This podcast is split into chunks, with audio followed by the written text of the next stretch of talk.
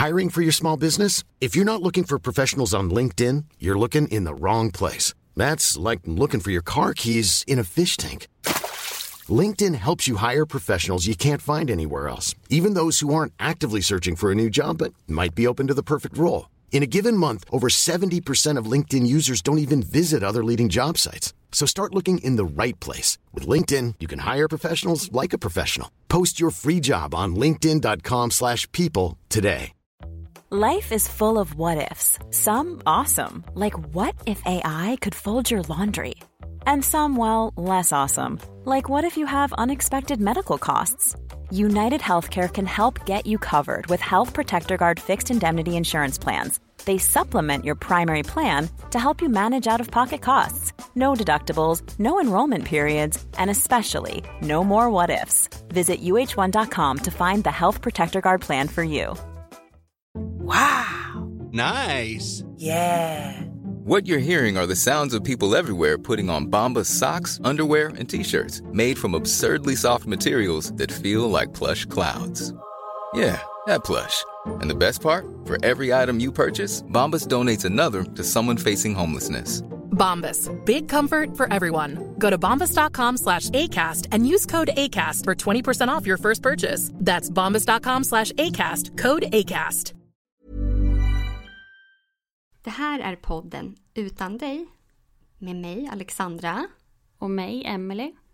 Det här är en podd som handlar om förluster och framförallt förlusten av våra barn.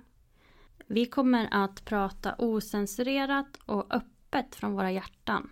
Vilket kan göra att innehållet väcker mycket känslor. Alla sörjer olika och det finns inget rätt eller fel. Men risken finns därför att någon kan ta illa upp. Men vi hoppas att våra lyssnare inte ska ta illa upp på något sätt.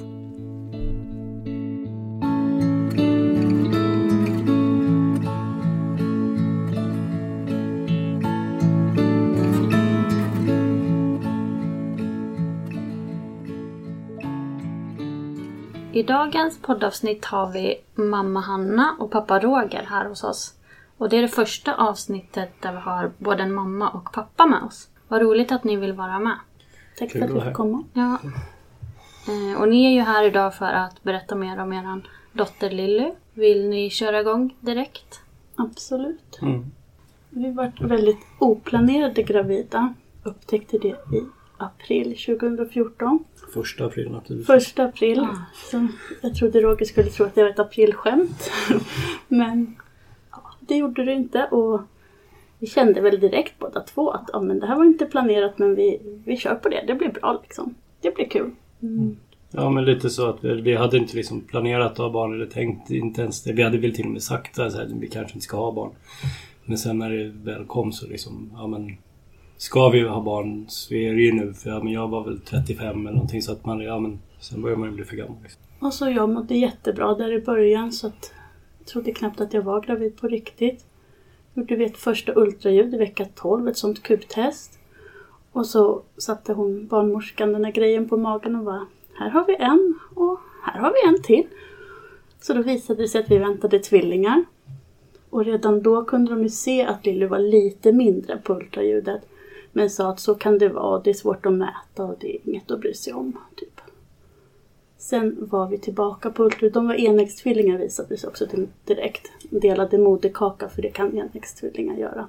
Rent standardmässigt så går man på ultraljud varannan vecka om barnen delar moderkaka. Så när vi var tillbaka i vecka 16 var första återbesöket. Då var, sa de att allt såg normalt ut. Men sen när vi kom på rutinultraljudet i vecka 18 så visade det sig att Lille var väldigt tillväxthämmad. Så då fick barnmorskan avbryta. För hon kunde inte mäta det hon skulle mäta och sådär. Och så sa hon att vi fick komma tillbaka och träffa en läkare dagen efter. Eller två dagar senare. Blev ni orolig då? Jätteoroliga. Eller jag blev jätteorolig. Jag satt där i väntrummet och grät och jag frågade henne, barnmorskan, vad är det som händer nu? Är det, kommer det, liksom, när jag kommer tillbaka om två dagar, kommer de vara döda då? Så bara, och då svarar hon bara att jag kan det är inte ett pågående missfall men jag kan inte säga att det här kommer gå bra. Och sen så var det liksom, fick vi åka hem och jag försökte ringa min vanliga barnmorska. fick jag ta på henne bara för att jag ville att de skulle gå in och läsa i journalen vad, som, vad de hade sett. Men kunde knappt prata för jag grät så mycket så jag bara typ så här snyftade fram mitt personnummer. ja. Men hon kunde inte heller se så mycket utan vi fick vänta de där dagarna. Så kom vi tillbaka två dagar senare och träffade då en läkare från fostermedicin och en barnkardiolog som gjorde ultraljud. Och då kunde de se ja, men att den ena tvillingen var mycket mindre men att det inte var något fel på hjärtat. För det finns en komplikation som heter TTS som enäggstvillingar kan drabbas av. Och då kan även hjärtat påverkas men det var det inte. Utan de bedömde det som att moderkakan var ojämnt fördelad. Och det, bara, det kan slumpa sig att det blir så. Och så blev det för oss. Eller för Nora och Lilly. Blev ni lugna av det då? Nej. Du var fortfarande orolig? Ja, alltså det de sa var ju att det som kan hända, det finns tre scenarion. Det ena är att det går bra. Det andra är att den tillväxthämmade tvillingen dör och drar med sig den stora tvillingen. Eller att den tillväxthämmade tvillingen dör och att den stora tvillingen får så stora hjärnskador så att hon sen dör av det. Mm. Och så sa de att ni får ett återbesök om några två veckor eller vad det var.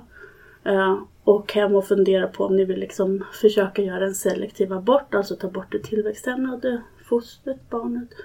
Eller om ni vill avbryta hela graviditeten för då hinner ni det. Eller om ni vill chansa och se om det går bra. Det var väl ändå ganska självklart att vi inte skulle alltså, ta bort någon ja. i det stadiet. Liksom.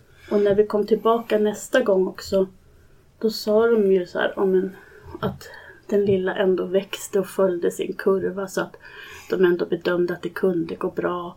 Och den läkaren sa att hon tyckte inte att det fanns någon anledning till att vi skulle diskutera en selektiv abort för det fanns ändå goda chanser, har jag för mig. Ja, jag tror du kommer ihåg det här bättre än jag. Eller alltså, för mig var det, Dels så tror jag när man inte är, Jag var ju inte gravid själv så det, det känns lite overkligt överhuvudtaget hela graviditeten. Liksom. Mm. Jag kan ju bara liksom lyssna och, och, ta in vad Hanna säger. Så. Jag, jag hade så svårt att tro att någonting kunde gå fel. Liksom.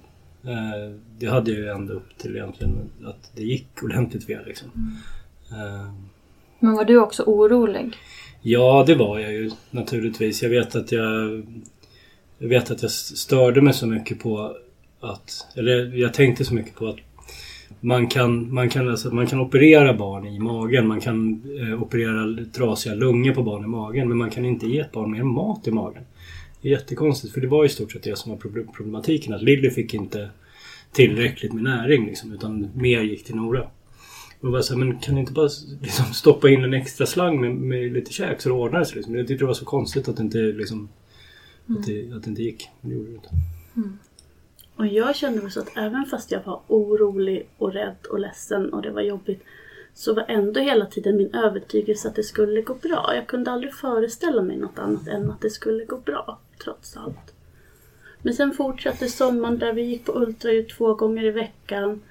Eh, så vi, två gånger i veckan var vi på fostermedicin och träffade läkaren där och två gånger i veckan på specialistmödravården. Ja, men det kändes som att varje gång vi gick därifrån så var det någonting nytt som hade blivit sämre. Vi bara, nu kan det i alla fall inte bli sämre, men då var det ändå någonting som hade blivit sämre varje gång. Någon gång var flödena sämre, sen var flödena bättre, men då var inte det bra heller. För om flödena växlar så kan det vara dåligt. Alltså det var alltid någonting kändes det som.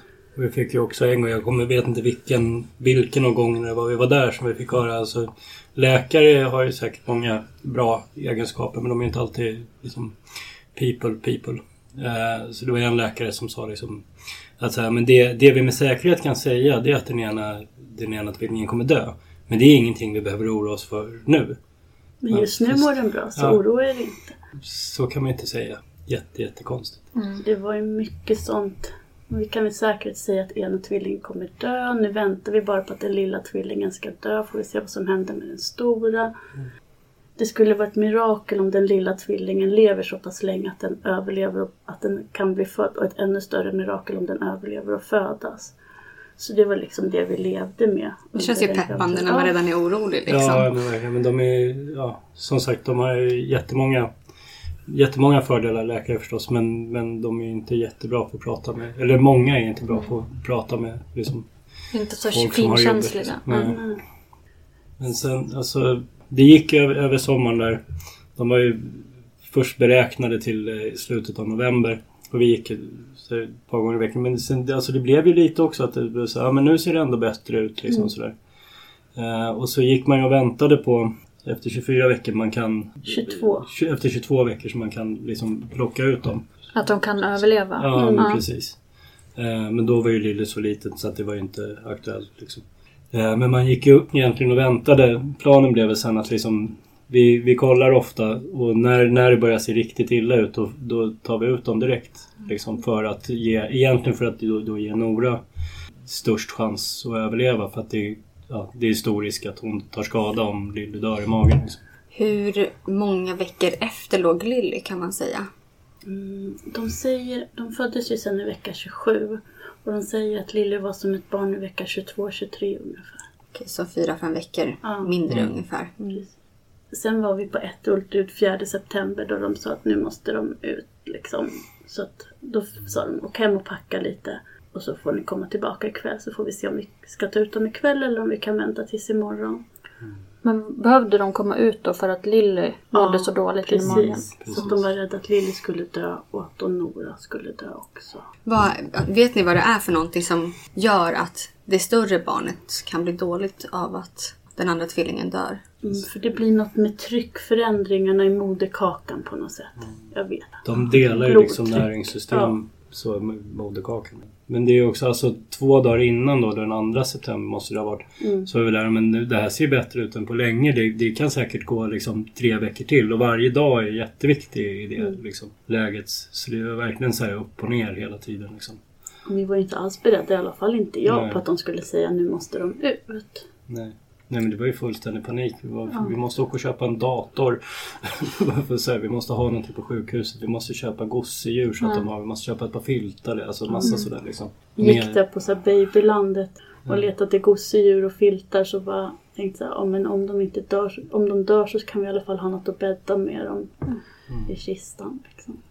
Alltså ni var verkligen förberedda på att det värsta skulle kunna hända. Fast samtidigt inte, för samtidigt så kunde jag liksom inte föreställa mig. Jag visste ju att de sa att det kunde gå så dåligt. Jag fattade ju att de inte sa det för att vara taskiga utan för att det var så illa. Men i mitt huvud så fanns det ändå inte någon annan utväg än att det skulle gå bra i slutändan. Jag såg aldrig något annat än att vi skulle åka hem alla fyra. Kunde ni prata mycket om eran, alltså era känslor och tankar och rädslor och sånt? Just då, innan de föddes? Ja, alltså vi var ju så uppe i det båda två. Så det var väl... Ja, det var, det var väl i stort sett det samtalsämnet hemma. Liksom. Sen blev, blev vi väl bättre på det efterhand. kan jag- Ja, man lär sig att hantera saker. Jag har inget klart minne om hur vi, hur vi diskuterade det innan. Nej. Liksom. Och sen fick ni komma tillbaka till BB då? Precis, då lades vi in på antenatalen och sen så gjorde de ultraljud och kollade flöden och sådär, eller CTG-mätningar. Och då konstaterade de att de kunde vänta till dagen efter. Så morgonen efter den 5 september så snittades jag och Nora och Lille föddes.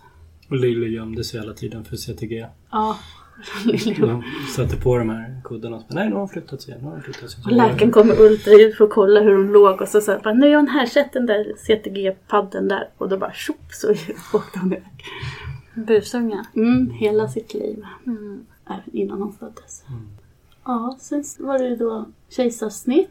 Och då först tog de ut Nora och höll upp henne. Och hon skrek direkt när hon föddes. Hon var ju också liten liksom men ja, jag kommer ihåg att vi låg där och tittade, eller jag låg och du satt och tittade på varandra och typ så tårarna rann.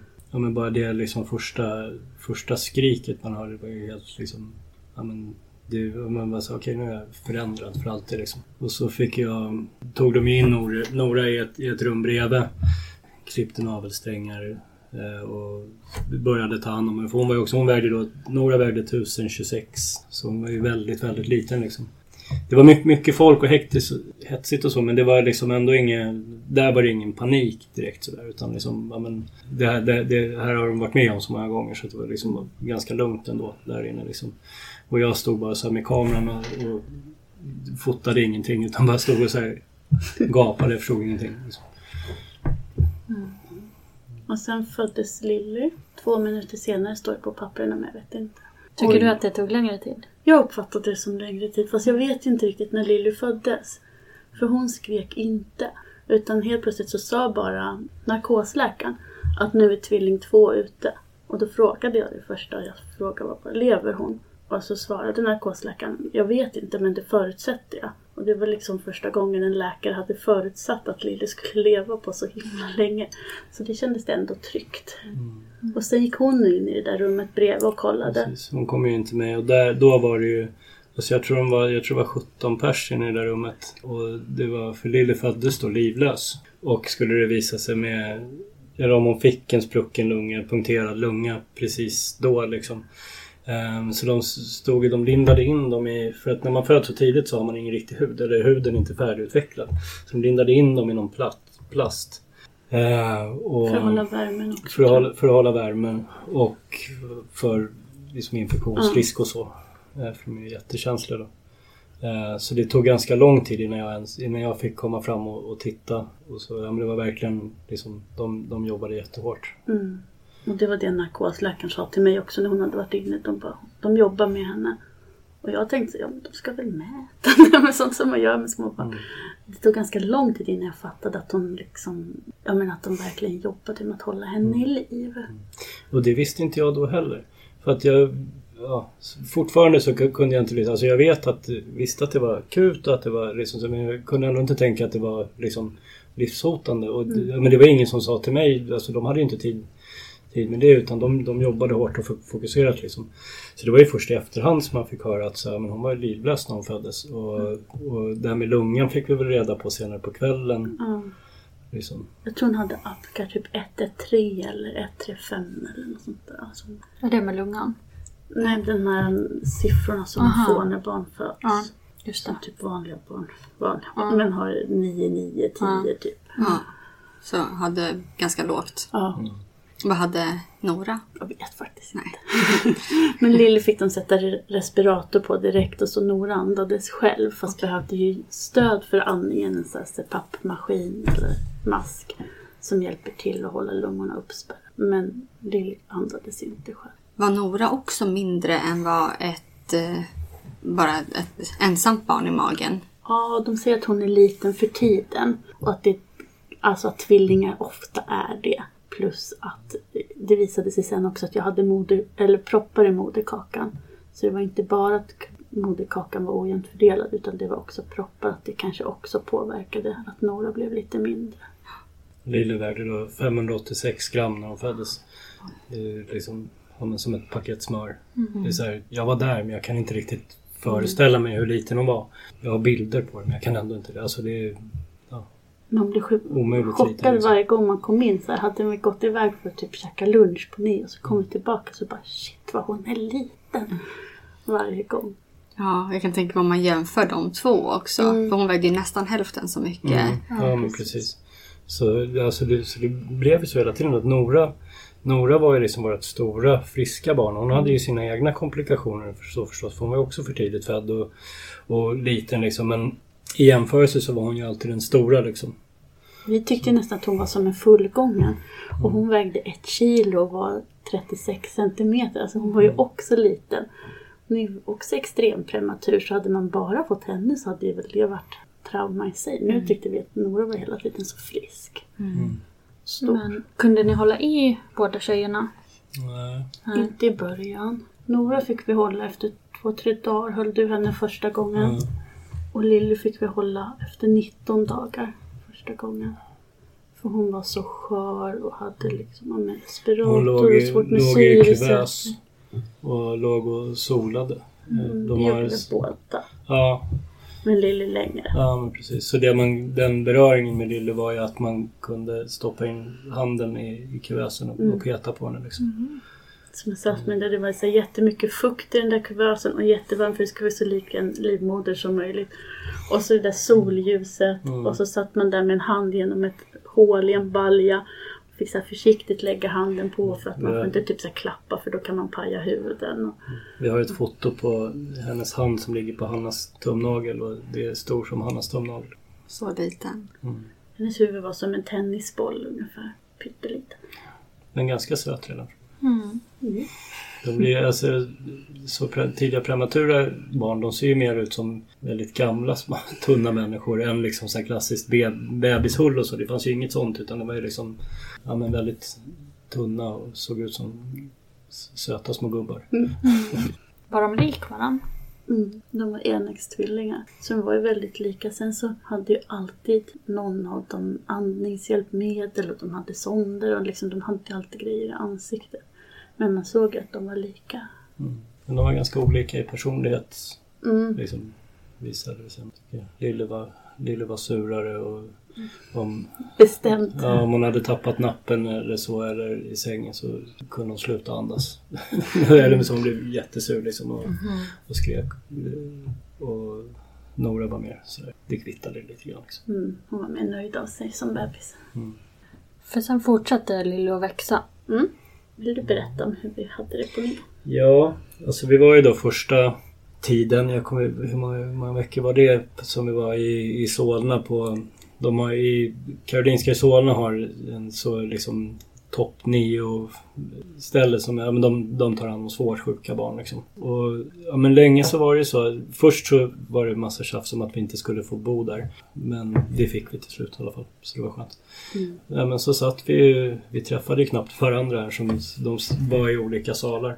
Antingen satt jag inne med Nora och Hanna med Lille eller tvärtom. Liksom när vi väl fick, fick börja liksom ta upp Lille när hon hamnade i vanlig säng och så. Det tog väl en månad. Ja, Så- alltså vi fick ta upp Lilly efter två och en halv vecka vet jag. Ja.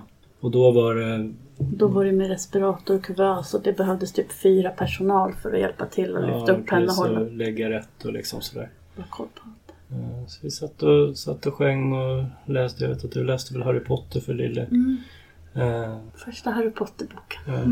Jag, jag satt och ja, men, lyssnade på poddar och sjöng. Och, så det var ju liksom så. Så var det ju upp och ner med... En stor komplikation var ju att man har, har någonting i hjärtat som heter ductus. Som för, för barn som är fullgångna så, så stängs den när man föds. Det är en fosterförbindelse mellan hjärta och lungor Ja, som stäng, stängs när man tar sitt första andetag typ för de flesta. Alltså om Precis. man är fullgången. Ja. Men för ja, båda, både Nora och Lilly. Men Nora stängde sig själv. Lillys ductus stängdes inte. Och det kan på sikt vara, vara dåligt. Eh, det gör väl att man får vätska på lungorna va? Alltså jag, vet, jag tror att det var så här att eftersom Lilly var väldigt lungsjuk, det var ju hela tiden det som var hennes stora komplikation, att hon hade så väldigt omogna lungor. Och kombinationen omogna lungor och svårt att syresätta sig på grund av det är dåligt tillsammans med duktus för det också kan försvåra syresättningen. Så, ja. Så det var ju hela tiden, alltså vi fick ju ja, men många, i många samtal med läkare så de betonade ju att vårat, vårt absoluta mål och hopp är att det ska gå bra men ni måste vara medvetna om att det, det kan gå dåligt. Eh, och det tog väldigt lång tid att få, få Lilly ur respiratorn. Och Ju längre man har den ju mer skadar man lungorna också. Och hon hade ju som sagt redan dåliga lungor. Så till slut, du, du är mycket bättre än mig på tid. alltså när, när saker hände. Men till slut så var det att ja, men vi måste operera eh, det här ductus för att stänga det. Och vi, vi kan inte lova att hon överlever operationen men, eh, men vi vet att hon inte överlever utan den. Liksom. Hon sattes upp på operation flera gånger men kirurgerna trodde inte hon skulle klara sig. De vi kan inte operera ett så sjukt barn. Och läkarna på NEO trodde att det var nödvändigt. Så det var så fram och tillbaka flera gånger som vi trodde hon skulle opereras men sen så blev det inget. För att någon gång, några dagar innan hon sen till slut blev opererad så, så var det ju liksom, ja men precis innan de skulle dra iväg med det nästan som, nej men tyvärr vi får avbryta det här liksom. Det kommer inte gå idag. Eh, Så. För att de inte hade tider eller för att Nej, de för att trodde de att... inte trodde att det skulle... De trodde inte hon skulle klara en operation. Precis. Det är en ganska stor operation. Man måste sära på revbenen, flytta på ena lungan och sen snörpa av ett kärl på hjärtat. Och eftersom hon hade så dåliga lungor så trodde de inte hon skulle klara att de liksom flyttade på lungan på det sättet. Så förstod jag det i alla fall. Ja. Ja men och, och att hennes allmäntillstånd var alltså det är ju... Jag menar det är en sån operation är ju kämpe för en frisk människa liksom. Skulle hon bli sövd då? Mm. Ja. För det väl, kan ju kanske också vara en risk. Ja, precis. Och då vet jag, då, då när, när, när hon till slut blev opererad. Det, det är nog det räddaste jag varit i hela mitt liv. Förutom när hon väl dog. Alltså när de rullade iväg och man visste så här, men nu, jag har faktiskt ingen aning om jag kommer se henne igen. Liksom. eller om nästa gång jag ser henne så är hon, så är hon i en kista liksom. Hur gammal var hon då? Sex veckor. Och då hade ni varit på sjukhus hela tiden? Mm. Ja. Och den, alltså de första sex veckorna då var det precis som du säger Roger, ofta så här, ja men ni måste förstå att hon är väldigt sjuk och barn som är så här sjuka de klarar sig inte alltid. Och hon är inte döende nu men ni måste förstå att det kan gå så. Tyckte ni att det var bra att de ändå förklarade det så att ni kunde ha det i bakhuvudet? Eller var det jobbigt att höra det? Alltså, det är klart att det var jobbigt att höra men jag tycker alltså de, de, all personal på NEO, alla läkare nästan eh, och, och så, alla de var helt fantastiska. De var ju väldigt duktiga på att prata med, med föräldrar i våran situation liksom. Ja, men vi förstod ju också att ja, men det är klart att de måste informera. De kan inte bara ge en solskensprognos och, och skita i hur, hur det ser ut liksom.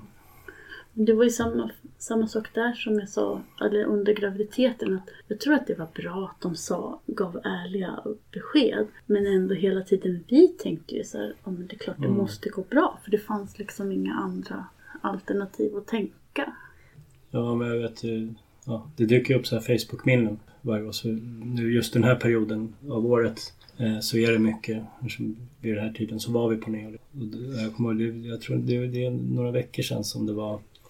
Eller kanske någon månad sedan som det var just den dagen när de opererades. Mm, det var i mitten på oktober. Ja, när jag läste det, eller så såg det inlägget så började jag bara, bara så komma tillbaka hur, hur rädd man var liksom. Och det var en fruktansvärt lång dag liksom, innan de kom och sa att ja, men det var klart att hon hade överlevt det. Liksom. Så var hon ju illa medtagen då. Hon hade ju liksom ett ärr på, från ja, men, hela henne nästan liksom. Hela bröstkorgen så här bak. Men det gick ju ändå bra. Alltså jag kommer ihåg kirurgen ringde dig efter operationen och Ja. sa att det gick bättre än vad de någonsin hade vågat hoppas. Så Mm. att liksom allting hade gått bra. Och sen på kvällen så blev hon ju jättedålig. Mm. Då var det så här, men blodtrycket bara ökade och sjönk och hon syresattes inte. Och då var Nora och Lilly på samma sal. För jag kommer ihåg att jag satt med Nora och bara såg hur det där blodtrycket gick upp och ner. Och, ja, men, och det kom fler och fler folk. Jag tror det var två läkare och fem sköterskor eller något sånt där. Så det var liksom hur mycket folk som helst runt hennes säng.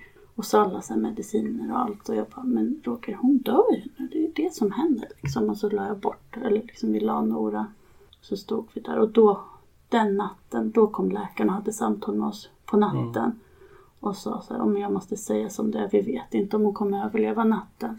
Men, men det var ändå rätt beslut att operera för överlever hon det här så kommer hon vara liksom starkare än vad hon var innan. Mm. Och det var väl egentligen sista gången under sjukhustiden som, som de sa att hon kunde dö. Ja. Eller liksom, för att därefter så blev det ju ja, men stegvis bättre. Hon hade ju liksom, alltså, men där i början, direkt efter operationen, hon hade ju en ställning med liksom 20 så här, automatiska medicininsprutningar och mat och allt liksom sådär. Men efter det så, ja, men några dagar, någon vecka efter så kunde de ta bort respiratorn. Hon hade ju fortfarande så här CPAP då, syrgas med ja, men, ganska kraftigt stöd liksom. Men det var ändå liksom bra. Så det var ju första gången vi hörde hennes röst. För att man, respiratorn på något sätt den stänger ju av stämbanden. Liksom, hon, efter det så kunde hon ju börja kraxa. Hon hade ju aldrig använt rösten så hon var ju liksom men väldigt hes och, och kraxig. Kunde i alla fall höra henne. Och kändes det för er som att nu kommer det här gå bra liksom? Ja, Ja. och i den vevan fick vi också byta sjukhus och då flyttade vi till Huddinge sjukhus istället. För att Lilly var liksom för frisk för att behöva den där specialistvården på, i Solna. Ja. Och då, alltså precis innan det var ju första gången Nora och Lilly fick träffas. Alltså Ja. dagarna innan vi blev flyttade till Huddinge så fick de första gången ligga tillsammans i en säng och liksom Mm, fick ta upp båda och Ja. hålla i dem. Och hur gamla var de då ungefär? Sju veckor. Det var 22 oktober och de föddes 5 september. För det hade varit en av mina rädslor, att Lilly skulle dö. Alltså när, de, när hon var så dålig, utan att de fick träffas. Har man inte sett forskning på att tvillingar mår bäst av att vara tillsammans även när de föds för tidigt? Liksom? Att det hjälper. De strävade hela tiden efter att de skulle få ligga tillsammans men så länge som Lilly var så dålig och hade respirator och sånt det så var kunde de väldigt skilda inte. vårdbehov liksom. Mm. Och risken att Nora skulle typ råka slå till respiratorn, alltså sådana saker gjorde att de inte kunde ligga tillsammans i början. För Nora var som en frisk bebis fast mycket, mycket mindre, eller? Ja, hon hade också, liksom, hon hade ju sond och hon hade CPAP och sen syrgasgrimma. Alltså hon hade också ett stort vårdbehov för det har man när man föds i vecka 27. Men hon var ju hela tiden mycket, mycket friskare än Lilly.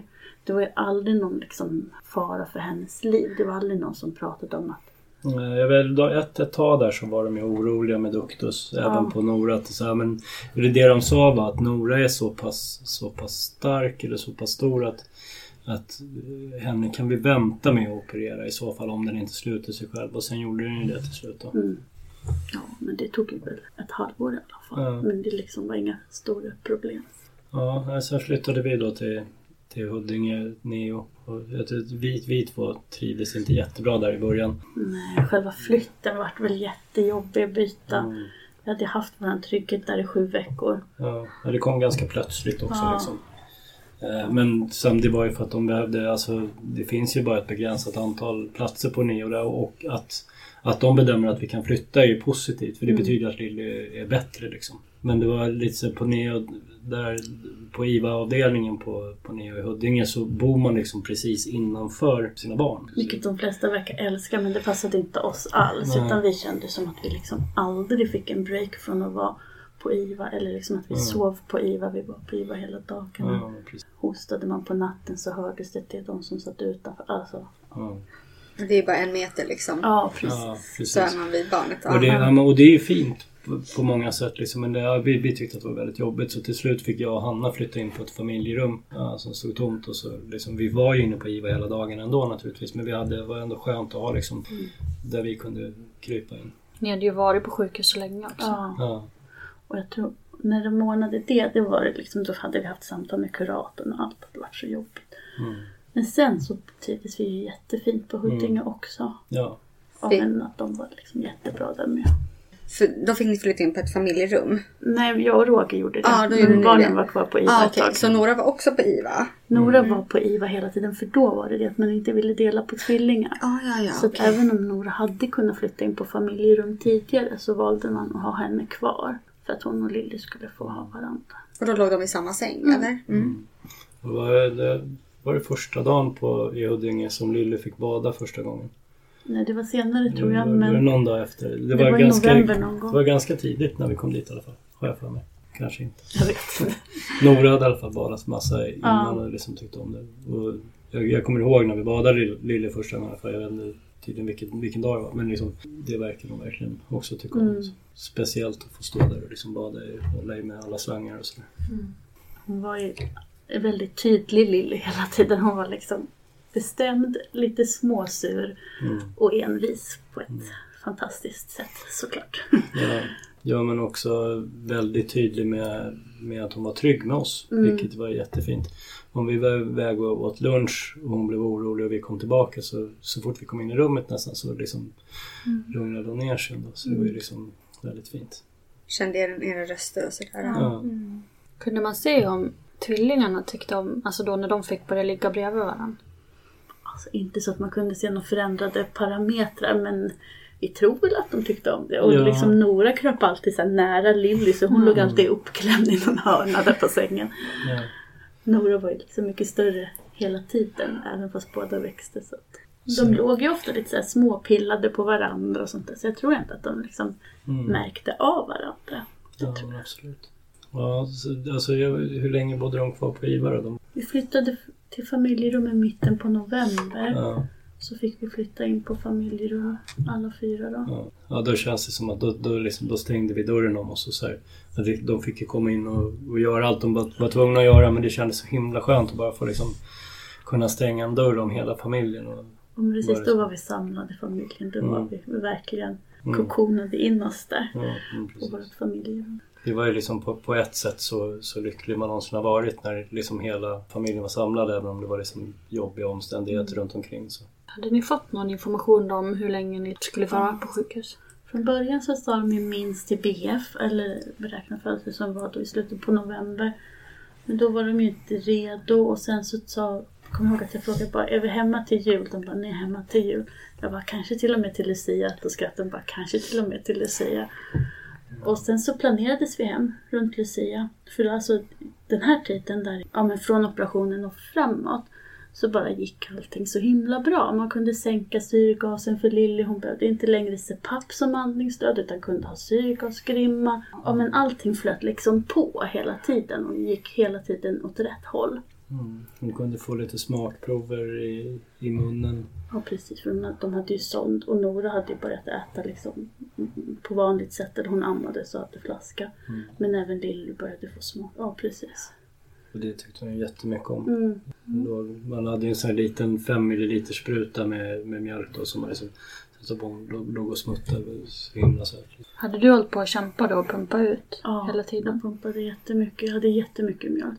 Så jag donerade massa mjölk också. 70 liter. Ja, något sånt. Och både Nora och Lilly fick bara mjölk från mig. Men det var ju för att jag pumpade så mycket. Så, ja. Men det var ju också där i början, det var ju typ det enda jag kände att jag kunde göra. Om jag inte ens kunde hålla i dem eller någonting, då kunde jag i alla fall pumpa. Så att jag gjorde ju verkligen det så var tredje timme där. På natten gick jag upp och... Men sen då, men när vi var inne på familjerum då kunde vi visste det snart. Eh, vi tog hem Nora någon gång. Eh, några gånger liksom och fick ha henne hemma och sådär. Och men sen som sagt till, till Lucia då så då var det planerat att vi skulle hem, åka hem till Lucia men med då vi skulle ha syrgas hemma till, till Lilly och massa annat så vi fick lära oss. Mot slutet så gav vi all medicin själva. Vi skötte allt Eh, Vi hade liksom ett helt apotek inne på vårt rum liksom och lärde oss, fick lära oss hur vi skulle blanda och vad vi skulle göra med allting. Liksom.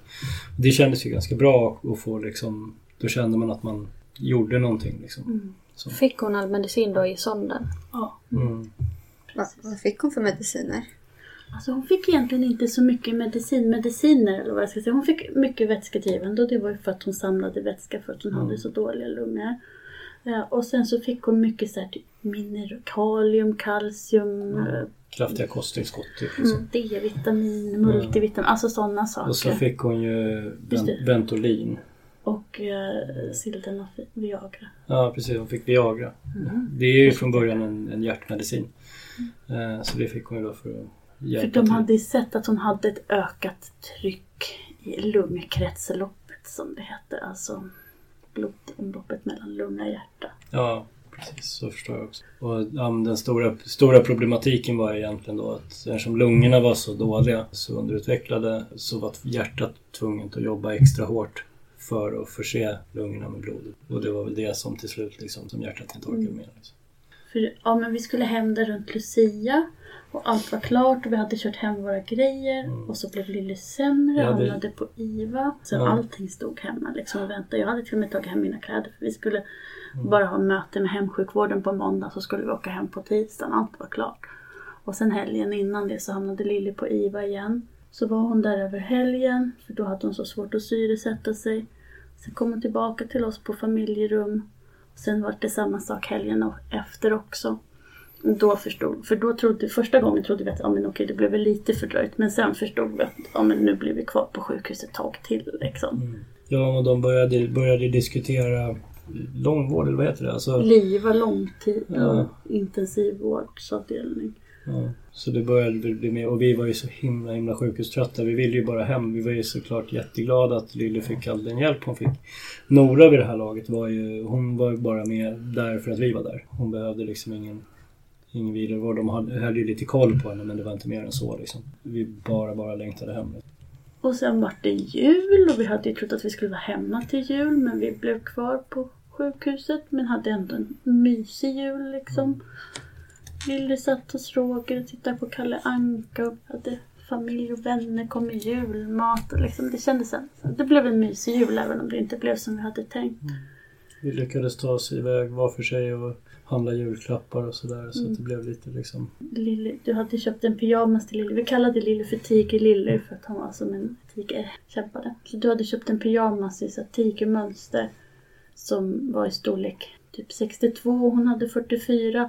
Vi bara, Men det gör inget, det är bara lite att växa i, det spelar ingen roll det. Och sen sex dagar efter julafton så vaknade jag av att en sköterska kom in på vårt rum då, på familjerummet.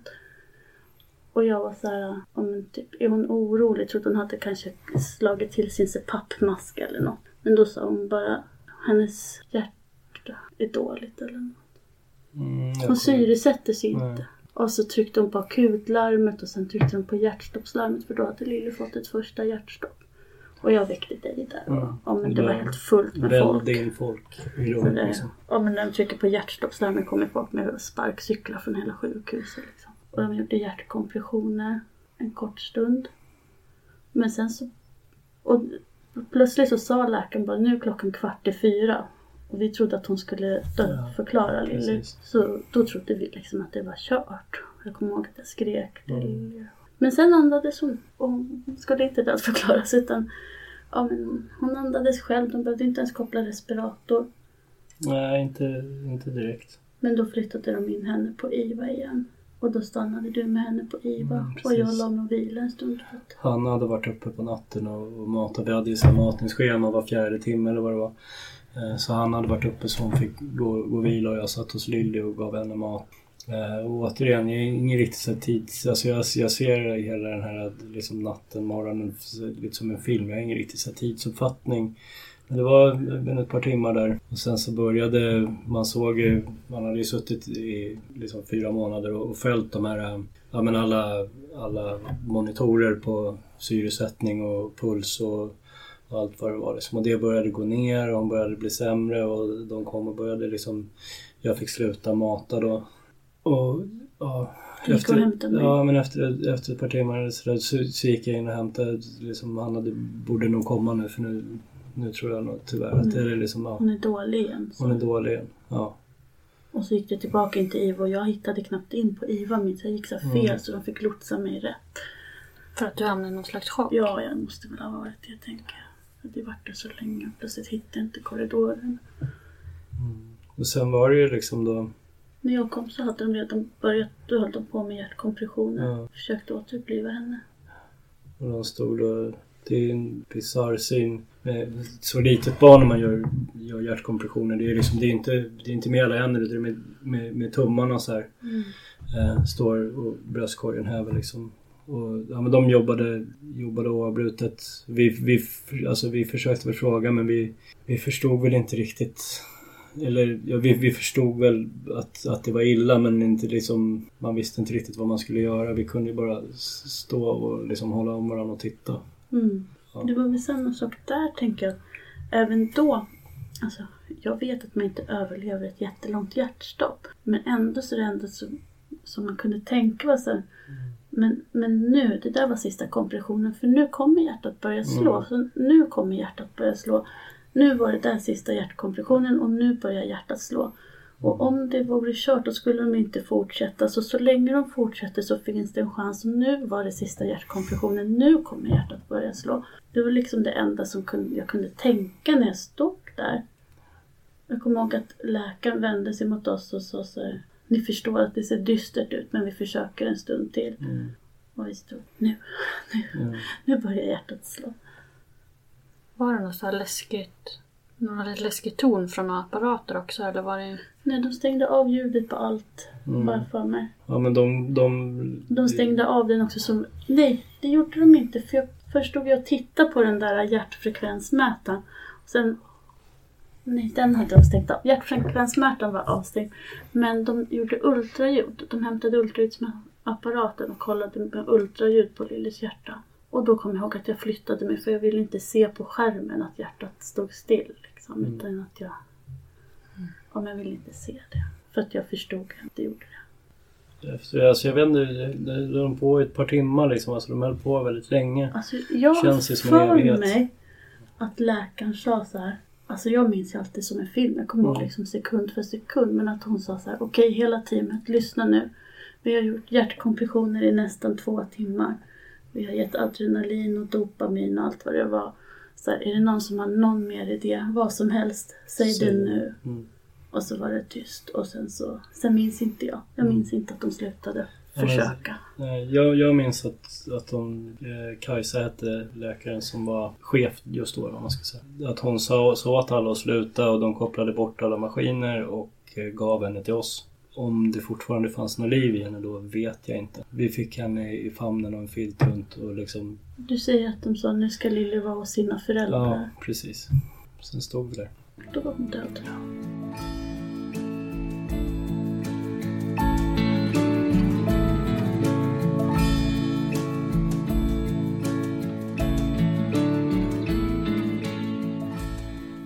Så fick vi, fick vi in henne på vårt rum igen och fick bada henne och tvätta henne och så. Väldigt noga med att tvätta alla veck och liksom sådär.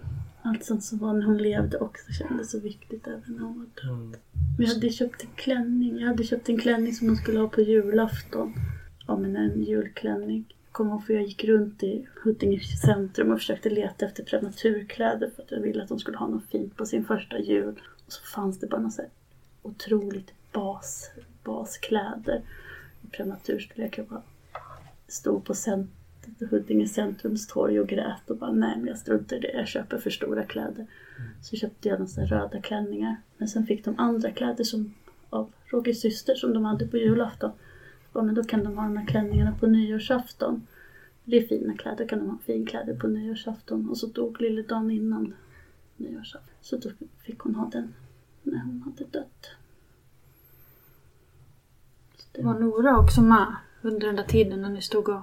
Men, Nej, det var ju någon sköterska som, som tog hand om henne. För hon var kvar på familjerummet Ja. då. Så det var vi. Men sen så, alltså när Lilla hade dött så kände vi ganska direkt här för mig att vi behövde, men vi gå till Nora. Så att vi fick med, ja, liksom, tog med oss Lille till det rummet istället. För att vara tillsammans. Och så sa de väl i stort sett bara att så ta den tid ni behöver. Vi fick erbjudande att ta hem henne i sån här, Fryskista eller nej, så. men det är som någon babylift fast med kylklampar i, som man kan ta hem. Men det valde vi inte göra för vi kände väl ändå att vi hade ju Alltså Ja. även om det var alldeles för kort tid så fick vi ändå fyra månader med Lille när hon levde. var tanken då att hon skulle ha fått vara hemma en gång eller? Ja, precis som Mm. man hade velat ta hem henne. För hon var ju aldrig hemma. Hon levde hela sitt liv på sjukhus. Och det är något som du har känt. Ja, jag tycker att det är sorgligt att hon kom aldrig. Alltså, hennes, hennes gravplats är den närmaste gravplatsen på den närmaste kyrkogården hem. Liksom. Men det är liksom det närmaste hon någonsin kom hem och det, det känns ju väldigt sorgligt. Liksom. Men sen så var det ju så, alltså, det var en så, så bisarr situation att samma, samma stund som, som Lille dog så var vi egentligen utskrivna från sjukhuset. Alltså, eller inte, inte så hårt, men, liksom, ja, men för att Nora behövde inte vara på sjukhus. Det var liksom, ni får vara kvar över natten om ni vill. Eh, det var ingen som stressade på så, alltså, men vi kände väl att vi ville hem. Så jag, jag har väldigt luddiga minnen av det, men jag, jag tog en taxi till, eh, till Älvsjö där våran bil stod. Och åkte och hämtade den och körde bil och så. Det kanske inte var så jävla klokt i efterhand liksom, men vi, vi kände väl att vi ville hem liksom. Mm. Så vi, ja. Vi längtade hem så länge också. Ja. Alltså dagarna innan Lille dog så var jag, var jag hemma med Nora för att Nora var förkyld.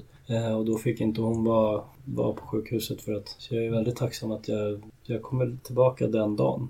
Ja, på Alltså- eftermiddagen samma dag. Ja, precis. Och så på natten. Jag är glad att jag, att jag hann tillbaka liksom. För det var ju så himla oväntat. Det var ju Mm. liksom bara ett hjärtstopp som, som kom. Och bara några veckor innan där när vi skulle åka hem vid Lucia så hade vi haft möte med läkaren. Och då sa ju jag, kommer jag ihåg, jag bara, vi har ju alltid fått höra att vi ska vara beredda på att Lille kanske inte kommer klara sig. Jag förstår att ni inte kan lämna några garantier, men vad tror ni?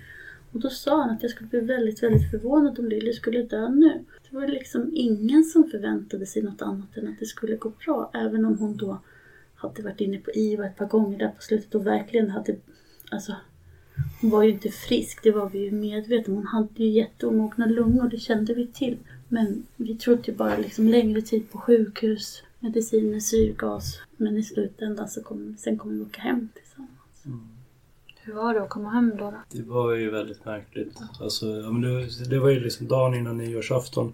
Jag minns inte riktigt vad vi, vad vi liksom gjorde den kvällen. Jag vet att dagen efter, på nyårsafton, så åkte vi tillbaka och hämtade massa grejer från sjukhuset. Mm, våra, din mamma och syster och min ena syster Ja. kom till sjukhuset också så jag tog farväl. Mina föräldrar och min andra syster var utomlands så de kunde inte komma. Så vi var tillbaka på sjukhuset då och träffade Lille igen. Men sen är det ju ganska mycket som ett töcken. Ja, jag vet nyårsafton, vi säger, ja men ska vi, ska vi fira eller vad ska vi göra liksom? Alltså, Jag kommer ihåg att på tolvslaget, jag bara, det här är Noras första nyårsafton. Det är klart hon ska få se fyrverkerier. Så då lindade jag in henne i en filt och så gick vi ut. Stod på vår uteplats och så var det så molnigt och grått så det syntes inga fyrverkerier och det kändes bara som ett, så här, ja, men ett bevis på allt, hur det var liksom. Till och med vädret. Jag vet att jag tyckte det var så, det var så otroligt märkligt när jag, men när jag skulle ta taxin och så. Jag tyckte det var så konstigt att världen bara fortsatte liksom. Att man tänkte så här, men titta på löpsedeln, varför står det ingenting? Varför, liksom, varför går folk omkring som att det är liksom... Varför ingenting rullar inte en sån här katastrofgrej upp i TVn där bara Mm. står så här Lilly har dött, Lilly har dött. Hur kan det bara vara som att liksom Mm. allt är som vanligt? När det, när det värsta tänkbara i hela världen har hänt. Men så antar jag att ni också kände. Man blir lite galen på alla som åker till jobbet och lever vanliga liv Ja. när ens eget. Och planera för massa roliga saker. Och, Ja. Så det här var dagen innan nyårsafton år 2014. Ja, precis. Precis. Och nu har det snart gått fem år. Snart fem år. Hur känns det när det blir årsdagar? Den här tiden är väl alltid en tid då man är extra påverkad. Men dels är det ju så att ja, men livet rullar ju på. Det är inte som att sorgen går över eller försvinner eller tiden läker alla sår. Men, men livet fortsätter ju och det gör man själv också. Och någonstans så blir ju sorg och saknad en naturlig del i ens liv. Där i början kanske det var liksom det som tog den mesta platsen och nu är det mer en naturlig del bland allt annat. Jag, Alltså- jag känner ju väldigt tydligt faktiskt från, men från 5 september när det är deras födelsedag till 30 december liksom, så är det liksom Dels, det, ja, men det, det, jag tror det är mycket det att man påminns så mycket med Facebook-minnen. Alla, så, alltså, vi tog en miljard foton och, det är liksom, och alla skenuser. Det är dokumenterat så man får det varje dag. Liksom, att, ja, just det, den här dagen så var hon tillbaka på IVA igen. Just det, den här dagen var det så här. Liksom. Jag känner verkligen att, mitt, så här, att jag går, går ner ända fram till dess egentligen. Eh, Men sen vänder det också Ja. ganska snabbt efter årsdagen mm. på något sätt. Men kan ni få dåligt samvete om ni är glada? Nej, inte längre i alla fall. Sen tror jag också att alltså, vi har ju alltid haft Nora. Och även om det inte på något sätt förminskar våran sorg så har vi ändå också alltid haft en stor glädje. Vilket kanske inte har som sagt minskat sorgen eller så men ändå har gjort att vi har alltid haft något Men jag vet glatt ju, också. jag vet ju att det kändes, det var ju väldigt konstigt när man kom hem. Man hade ju liksom den totala sorgen och samtidigt hade man Nora direkt som var så mycket glädje och det var så konstigt att man säger Ja men vi skrattade väldigt mycket när hon pruttade liksom. Det var jättekonstigt att, att stå med den sorgen och börja, börja skratta för att man har en, en prutt där liksom. Det blir ju en sån himla dualitet att liksom total glädje och total sorg på en gång liksom. Alltså jag tycker ändå så här, nu har det gått fem år. Det är konstigt att man har klarat det så pass väl ändå. Alltså någonstans har man ju ändå så här, överlevt och är fortfarande någorlunda normal liksom. Jag tycker det är skönt. För nu har vi ju träffat några föräldrar här. Där det har gått olika lång tid. Och det är väldigt skönt att se att, för ni ser ju ganska normala ut. Alltså ni, ja, men ni verkar ju ha ett vettigt liv. Så. Mm. Och Det är ju skönt. För det har inte gått riktigt lika lång tid för oss. Nej. Och i början är ju sorgen så total och liksom så det äter ju upp allt annat. Jag kommer ihåg sen när jag var föräldraledig med Nora och vi gick på promenader. Och jag bara, allt jag tänkte på var bara de här Lillys sista två timmar i livet. Och så när jag kom till så här, och så dog hon och sen så bara började jag igen. Så här, det bara loopade hur det var den sista tiden. Och den totala sorgen, den faktiskt dämpas ju lite. Men man måste nog tänka på det tillräckligt många gånger tror jag. Man måste igenom det där. Ja, man måste prata om det och eller liksom så. Men det är skönt om det kan vara både och. Att det både är sorg och lycka i livet. Och nu när jag tänker på Lilly så är inte jag främst ledsen. Jag är ju främst glad. Jag är jätteglad över att jag har fått ha henne som mitt barn. Att jag är mamma till tre så fantastiska barn. Sen är jag såklart, alltså det är ju såklart jättedubbelt att jag hade önskat att hon skulle ha levt mycket längre och att jag skulle fått vara liksom mamma till henne här mycket, mycket, mycket längre. Men det är fortfarande främst en liksom om jag blir glad när jag tänker på Lilly. Det finns ju en lycka i att tänka på Lilly mer än en sorg. Hur har det varit att bemöta det här med, med Nora? Alltså just att prata om att hon har en tvillingsyster och har hon mycket frågor och Mm. Alltså det, har- det har ju varit viktigt för oss hela tiden att, att det ska vara en... Att Lilly är en naturlig del av familjen. Att vi, vi ska prata om det liksom. Det går väl lite upp och ner med Nora men hon, hon, hon ställer mycket frågor och hon kan ju vara sådär rak som bara barn kan vara liksom. Hon pratar om att hon ska ha tio barn, ett barn ska heta Lilly också var död. Kanske just den detaljen kanske vi inte behöver ha liksom men ja.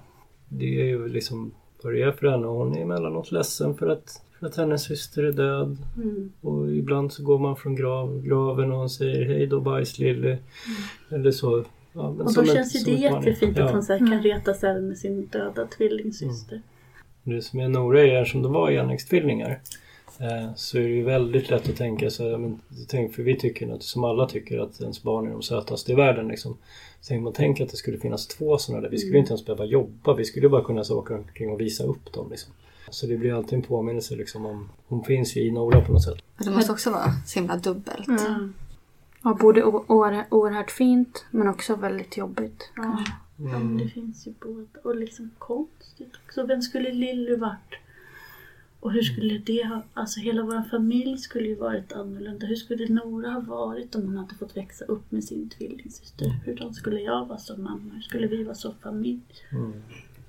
Man kan ju få dåligt samvete de gånger sorgen har tagit störst plats. Alltså mot Nora då. Alltså när Lilly dog så var jag jätteorolig för det. Jag vet att jag frågade kurator redan när vi åkte hem från Neo. Så här, men vad ska vi tänka på för Nora? Så här, för att jag bara, tänk om våran sorg, inte nog med att vi har förlorat en Lilly, att sorgen dessutom gör att vi pajar Nora. Men hon sa bara så här, men Nora har ledsna föräldrar men inte dåliga föräldrar. Och det försöker jag påminna mig, eller då i början. Det var fint sagt. Ja, jag tyckte också det. Och jag gick hos psykolog som också sa något liknande. Och som sa så här, men berätta för Nora vad du känner. Jag kommer ihåg, jag satt så här hemma i soffan och ammade Nora och grät så att det så droppade ner på Nora. Bara, Mamma är bara ledsen för att Lilly är död. Och jag bara, det här är så stört och jag vet inte, är det bra eller dåligt eller bara helt vansinnig situation. Och liksom då amma sitt barn och gråta över ens döda syster. Och ja, men allt var så. Men jag tror ju också att Nora liksom Nora har varit en stor hjälp. Alltså, man, man tänker sig så här, eh, hur man skulle reagera i en hemsk situation. Liksom. Och jag, innan allting hände så tänkte min självbild var väl att jag skulle liksom, om inte vet jag, supa ihjäl mig eller liksom bara gå ner mig totalt. Men direkt när Lille dog så hade, ja, men, då var vi för första gången hemma med vårat, vårat barn. Liksom. Och man måste, man måste fokusera, hur ledsen man än är så måste hon fortfarande ha mat och nya blöjor och sova och allting. Liksom. Så att någonstans så hjälpte, den väl, hjälpte väl Nora att liksom förankra sig i verkligheten på något sätt. eller vad man ska Vi var säga. tvungna att hålla rutiner. Ja. Och ibland så fick man göra de rutinerna när man grät liksom. Men det... Sen 12 dagar efter att Lille dog så åkte jag upp. Jag började plugga. Jag hade, ja, började plugga så jag åkte upp till Ludvika på en så här... Det var, jag pluggade som här, modifierad distans. Man var uppe i Ludvika en vecka i månaden och så hem liksom. Så det var också lite, lite konstigt att åka hemifrån men också lite skönt på sitt sätt. Det, alltså, det var skönt att komma ifrån och bara liksom sitta med några andra ett tag. Och kunna prata om det så mycket eller lite man ville liksom. Och de kände ju inte dig heller så de kände ju inte till allt. Nej, jag, jag berättade ju det men det var ju alltid jag som styrde hur mycket eller lite jag ville prata om det. Liksom. Tyckte du att det var lätt att göra det? Så tidigt också? Nej, alltså, bo, både och någonstans. Det- var, det var skönt på många sätt liksom, men samtidigt så jag kände mig, ja, men jag hade ju, kände mig dålig mot Hanna som så jag lämnade henne hemma ensam. Det var väl mycket liksom, telefon och vi hade ju folk runt omkring oss ändå. Liksom, och så, men, ja, nej, men så både och. Och så tyckte man ju varje vecka man hade varit iväg att Nora hade blivit typ dubbelt så stor. Man hade lärt sig saker. Liksom. Efter att Lilly hade dött och sådär så hade ni begravning. Mm. Och hur gjorde ni då när ni planerade det och sådär? Vi hade en borgerlig begravning.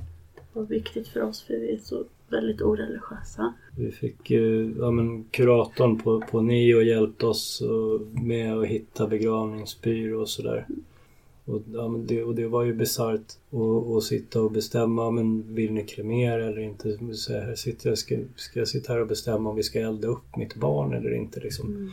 Det är jättebisarrt och Vi satt på begravningsbyrån på Lillys fyra månaders dag. Mm. Var vi där första gången och planerade. Hade Men- ni pratat någonting om begravning innan hon dog? Nej, Nej. aldrig. Jag hade inte reflekterat över att det skulle Mm. kunna behövas. Liksom. Jag tror att du var väl framförallt... Det var väl skönt för dig tror jag att liksom ha saker att ta tag i. Jag är Liksom. ganska praktisk av mig så jag var väldigt så här, ja men ring begravningsbyrå, åk och titta på stenar, kontakta försäkringsbolag, ring, eh, vad heter det, Försäkringskassan, ja men sådana grejer liksom.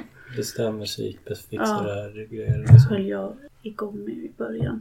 Det var väl en hanteringsstrategi tänker jag. Hur var det sen då när du inte kunde göra så mycket mer för just Lill? Alltså jag vet att jag emellanåt var så jäkla arg. Kommer ihåg det? Mm. kommer ihåg en gång en kväll när jag satt i soffan och bara skrek. Jag bara skrek. Jag bara Det räcker nu. Jag måste komma tillbaka. Roger satte sig bredvid mig och bara Hanna du får vara arg men du skriker så att Nora vaknar. Så jag bara, ja. Hade ni mycket saker där hemma också som ni hade laddat upp för två barn liksom? En Ja. del. Vi hade två sängar fast bara en uppställd för vi hade tänkt att de skulle dela i början. Vi hade en tvillingvagn som vi fortfarande har kvar. för i början så kände jag bara så här, ja men jag kommer ihåg att om pratade om att sälja den och jag tyckte bara det kändes som att vi gjorde oss av med bevisen på att Lille skulle ha funnits. Jag ville inte göra mig av den så den står fortfarande i vagnförrådet. Men eftersom alltså vi hade ju knappt varit hemma. Alltså det var... Ja men vi hade sovit hemma några nätter var Mm. någon gång sådär. För, att få ett break och, eller om Nora var sjuk eller sådär. Men så att vi hade ju inte hunnit. Det var ju all där liksom, ja men syrgasen och det. Liksom. Mm. Men vi hade ju två babyskydd liksom. Mm. Stod två babyskydd i bilen när vi skulle åka hem när lilla hade dött. Vi lämnade ett på Neo. Ja, liksom, ett gav vi bort. Till någon som inte hade hunnit köpa. Ja. Och vi hade ju förberett massa. Men Ja. det var ju inte, alltså hem, det, hemmet var ju inte inrätt f- på så sätt liksom. Mm. De kom ju så pass tidigt också. Mm. Ja men precis. Vi hade ju inte, ja, men när de föddes så hade vi inte hunnit liksom, ja, men, ingenting av det här. Vi, måste, ja, vi, hade köpt, vi, hade köpt en bil, vi hade köpt barnvagn, det var typ det liksom. Och sängarna hade vi köpt bara någon vecka sängar, innan. ja.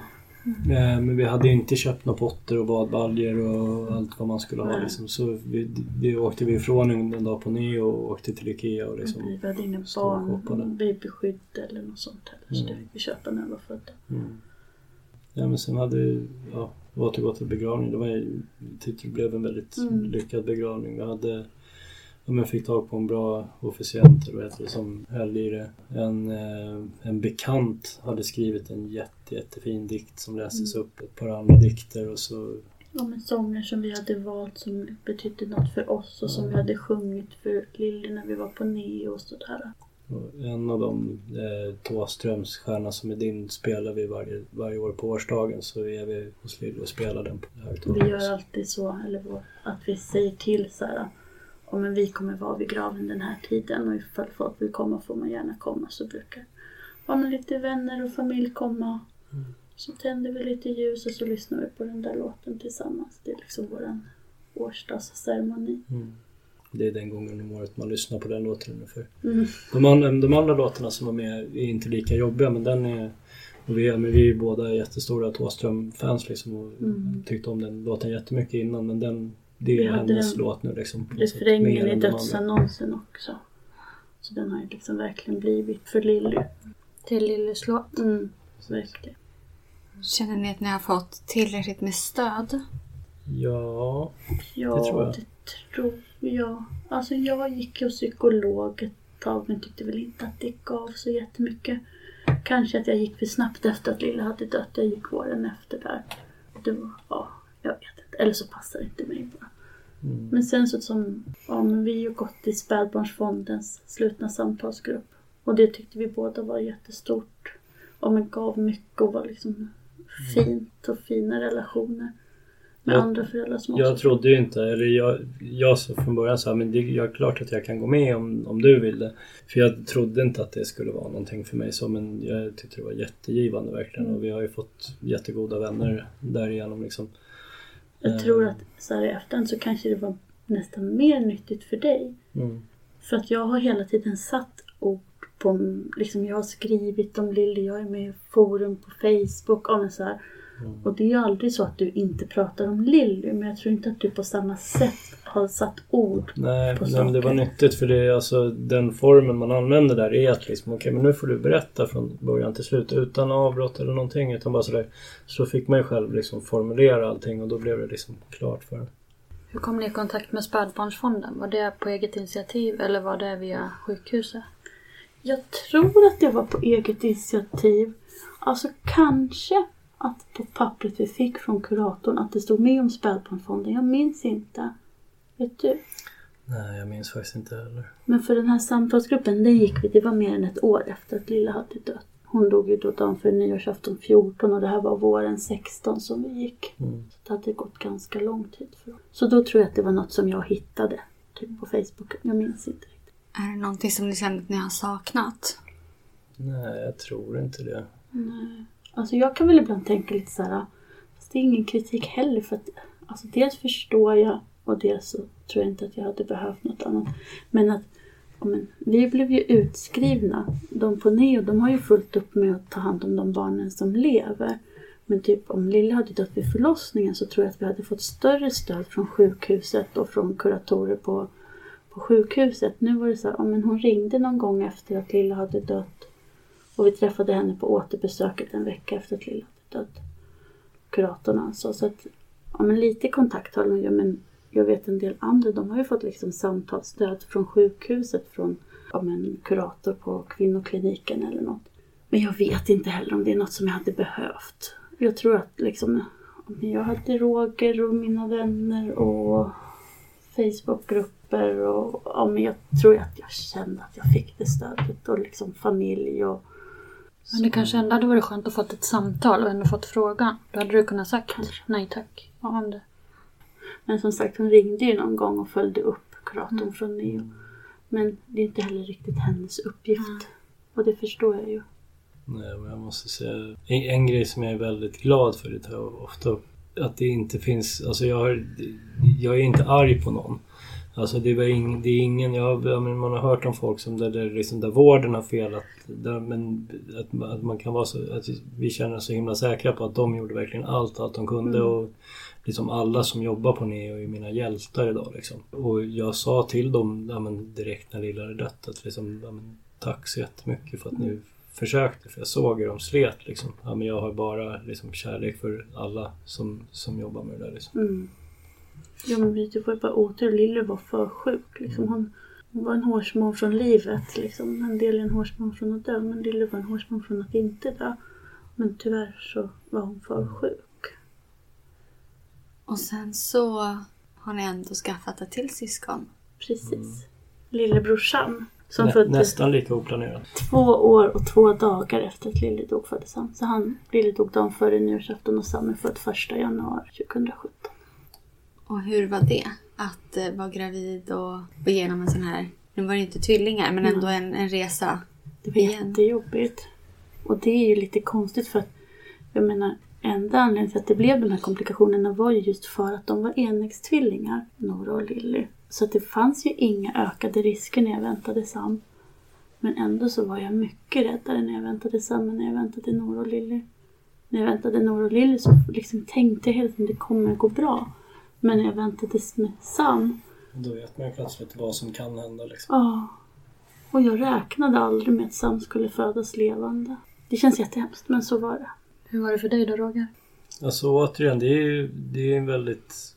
Alltså det är, det är, jag tycker att det är svårt eh, på så sätt att... Alltså jag, jag känner ju ingen, ingenting kroppsligen utan liksom jag går ju på Hannas hur hon känner och så. Men det är klart att jag var ju också orolig men det, det, är, det är någonting i mig som liksom så, nej men det är klart att det kommer gå bra. Det finns ingenting annat liksom. Eh, Men vi var ju inne några gånger när, liksom, när Hanna tyckte att hon kände minskade fosterrörelser. Och vi, återigen så blev vi, blev vi väldigt väl omhändertagna. Liksom. De, de, det stod ju i våra journaler liksom, hur det var och de var jättebra. Liksom, kom in extra och vi fick gå på specialistmödravården och sådär fast det kanske egentligen inte behövdes. Liksom, men det behövdes för oss rent mentalt och det var Ja. ingen liksom... Och extra ultraljud för att kolla tillväxten. Mm. Och extra hjälp hos vanliga barnmorskemottagningen. Och just för ert psyke liksom. Ja. Inte för att de... Nej, det fanns inga risker egentligen utan det var för våran skull. Sen så var det väl något så här, ja, men att jag kanske hade haft lite högt blodtryck vid något tillfälle när jag väntade Nora och Lilly så då sa de att då skulle det kollas blodtryck varje vecka men det tror jag egentligen inte hade behövts. Jag hade jättebra stöd från min barnmorska på vanliga MVC också så ringde och smsade lite då och då. Hon var jättefin och betydde jättemycket för mig att hon liksom ja, men inte negligerade min oro eller liksom så här, utan att jag faktiskt ja, men fick vara rädd men att hon ändå kunde liksom hjälpa mig. Vi var ju lite rädda att Sam skulle födas på Lillys årsdag. Mm, det var ju en, en, en oro liksom.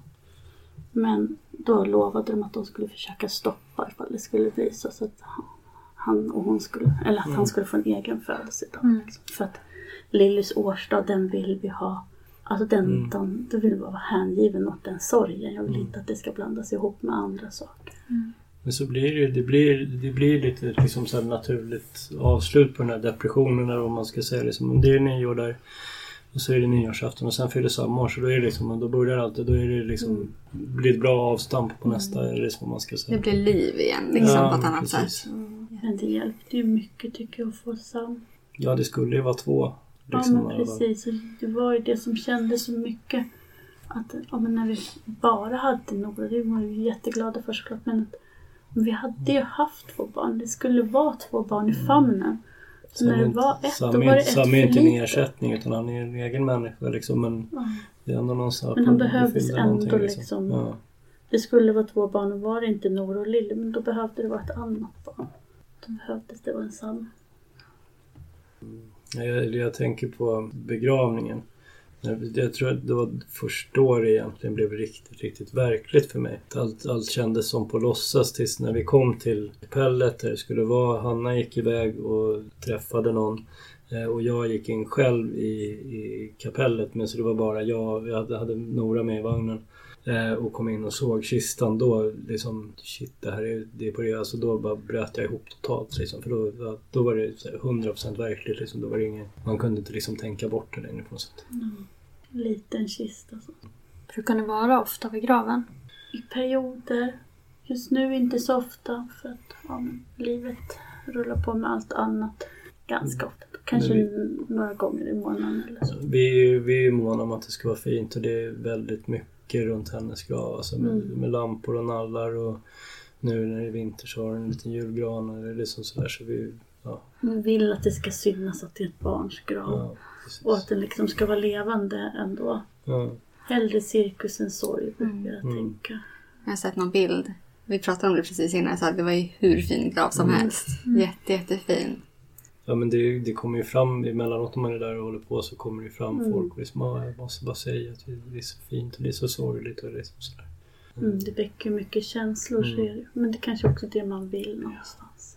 Folk ska förstå att det här är extra sorgligt. Eller liksom. Ja men också viktigt, det var ju jätteviktigt för oss båda tror jag att liksom ha, ha en grav liksom inte, inte sprida och sådär. Det är liksom vad som funkar för folk det är, det är upp till dem. Men för mig och för oss var det väl jätteviktigt att liksom ha, ha en plats och jag vet att när ste- stenen kom upp det tog ett tag för att det var tjäle och sådär liksom. Så när, när allt var så kändes det verkligen som så här, det är hennes plats liksom. Nu har vi något att pyssla om. Men vi bestämde oss liksom redan från början att det ska aldrig få bli jobbigt. Utan om vi inte hinner eller orkar eller något. Men då får vi ta att någon går dit och planterar istället. Eller man kan ju betala en summa eller så. här, Utan vi ska göra det som känns bra för oss. Till exempel har det varit viktigt att det är ljus där så vi har ljusslingor som lyser även om vi inte går dit lika ofta nu och tänder ljus som vi gjorde för kanske tre år sedan eller fyra år sedan. Nej, men så har vi, vi har ju alltid på, på årsdagen när hon dog och så är vi alltid där på födelsedagen. Så att liksom Lilly får fira födelsedag också. Vi brukar ha med ja, men fika hos henne med Nora och Sam. Liksom sådär. Så, att, så att Nora och Lilly och Sam då får, får fika tillsammans. Lite så, sätta upp lite ballonger och sådär. Så att, Är det något annat speciellt ni gör hemma hos er för att göra Lille delaktig? Vi har foton lite här och där. Vi, vi har ju liksom i, i ett vitrinskåp så har vi lite så här Lilly-utställningen eller vad man ska säga. Men liksom lite, ja men en så här liten neonapp. Eh, Pyjamasen hade när hon dog. Ja. Och med lite sådana där saker. Den gick man ju omkring och luktade på i ganska, ganska länge. Den, jag tyckte den hade kvar hennes lukt ganska länge. Liksom. Den är ju otvättad och det är liksom sådär. Och helt omöjligt liten och för stor för henne. Liksom. Då vill vi tacka jättemycket för att ni kom hit. Och att vi har fått lära känna Lilly lite mer. Tack för att vi fick komma.